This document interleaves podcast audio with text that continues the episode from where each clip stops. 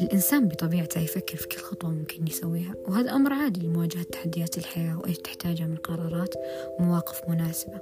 لكن إذا بالغ الإنسان في التفكير يدخل في متاهة تسمى بالتفكير المفرط أو فرط التفكير. Overthinking. خلونا نتعرف أكثر على هذا الموضوع إيش المقصود بالتفكير المفرط؟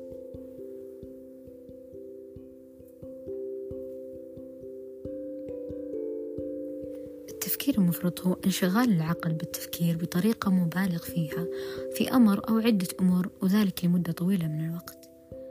طبعا التفكير المفرط له نوعان إما أنه يكون طبيعي أو أنه يكون غير طبيعي. الطبيعي يكون مؤقت لوجود قرار مهم أو مشكلة تحتاج حل وهذا النوع يمر على غالبية الناس كقرار عمل أو زواج أو اختيار تخصص.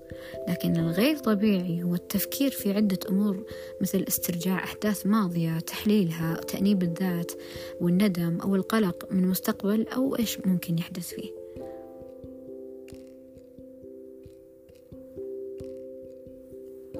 طيب نسأل نفسنا هل للتفكير الزائد أعراض معينة؟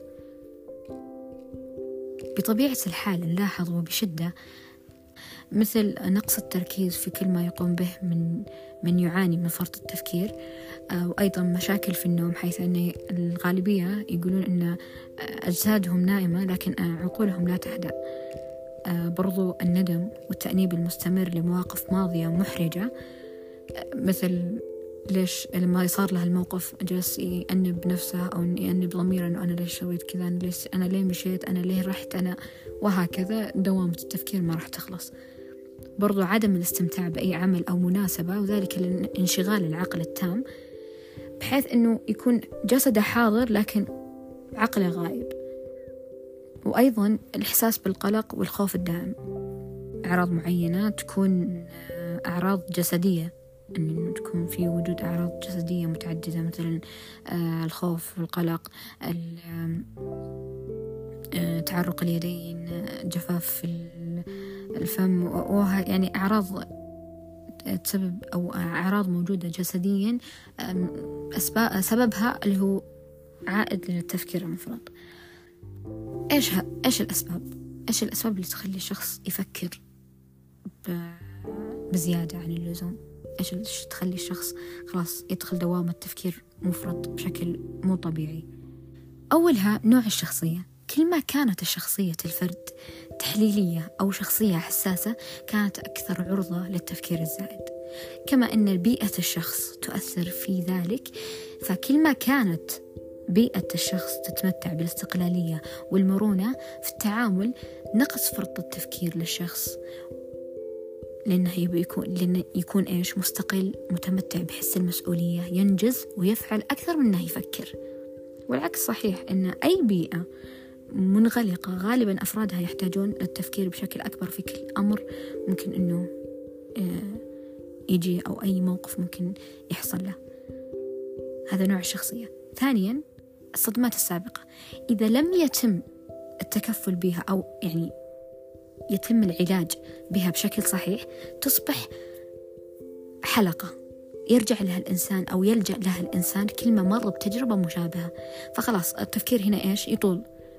برضو التوقعات العالية بحيث أنه يعني في أشخاص يحطون توقعات عالية للمستقبل وأنهم يحاولون يعني بكل الطرق أنهم آه، يحطون خطة أو أنهم يوجدون حلول أنهم يوصلون لها.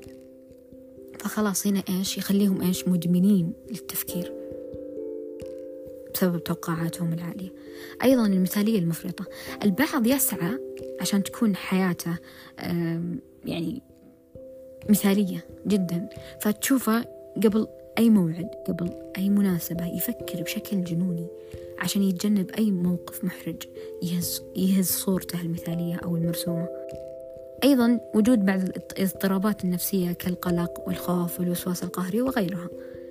طيب الإدمان التفكير. هل له آثار مضرة؟ هو طبعا له آثار مضرة. آه لما أعددها راح يكون تأثيرها على الجانب النفسي والجسدي للإنسان. فعلى سبيل المثال التأثيرات النفسية كالخوف والأرق وإضافة إلى نقص التركيز والشعور بالملل وعدم الاستمتاع بالحياة. أما التأثيرات الجسدية زي اضطرابات الهضم آه، أيضا كالقولون العصبي ونقص الشهية وأمراض القلب والضغط برضو أمراض الجلدية كحب الشباب والحكة وأمراض المناعة بسبب إفرازات هرمون القلق وأيضا اضطرابات النوم كالأرق أو كثرة النوم. طيب إحنا ذكرنا أسبابها ذكرنا أنواعها ذكرنا معناها لكن ما ذكرنا العلاجات أو الأشياء المقترحة من مختصين في هذا المجال.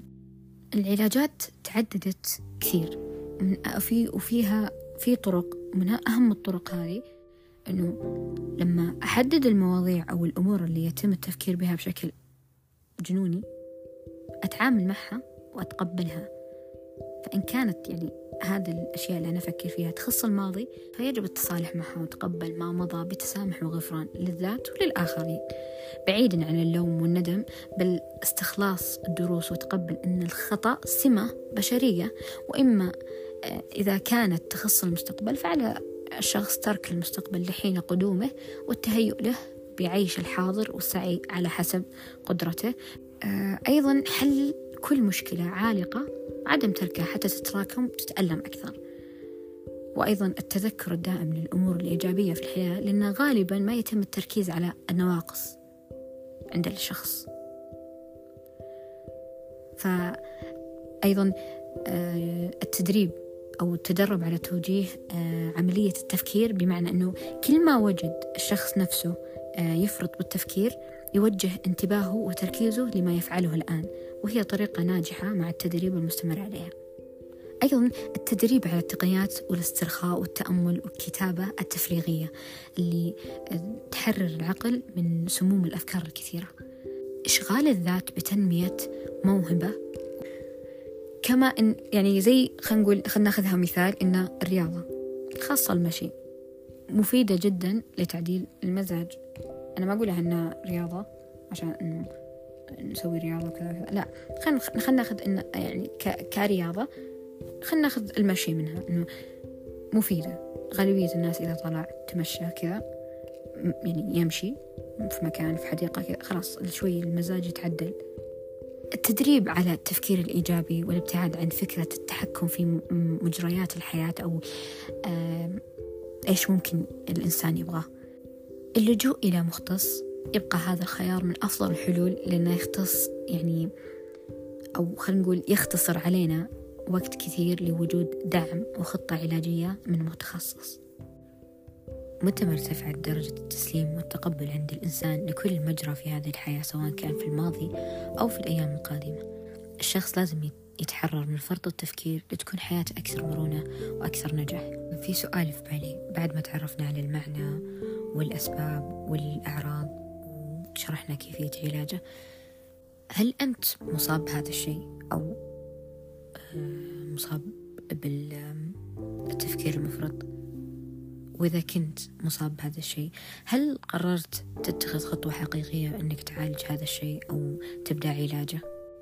وبما أننا وصلنا لنهاية هذه الحلقة أتمنى أنها نالت إعجابكم لنا لقاء قريب بإذن الله في حلقات الجاية وكانت معكم نور النايف من بودكاست خذها كرحلة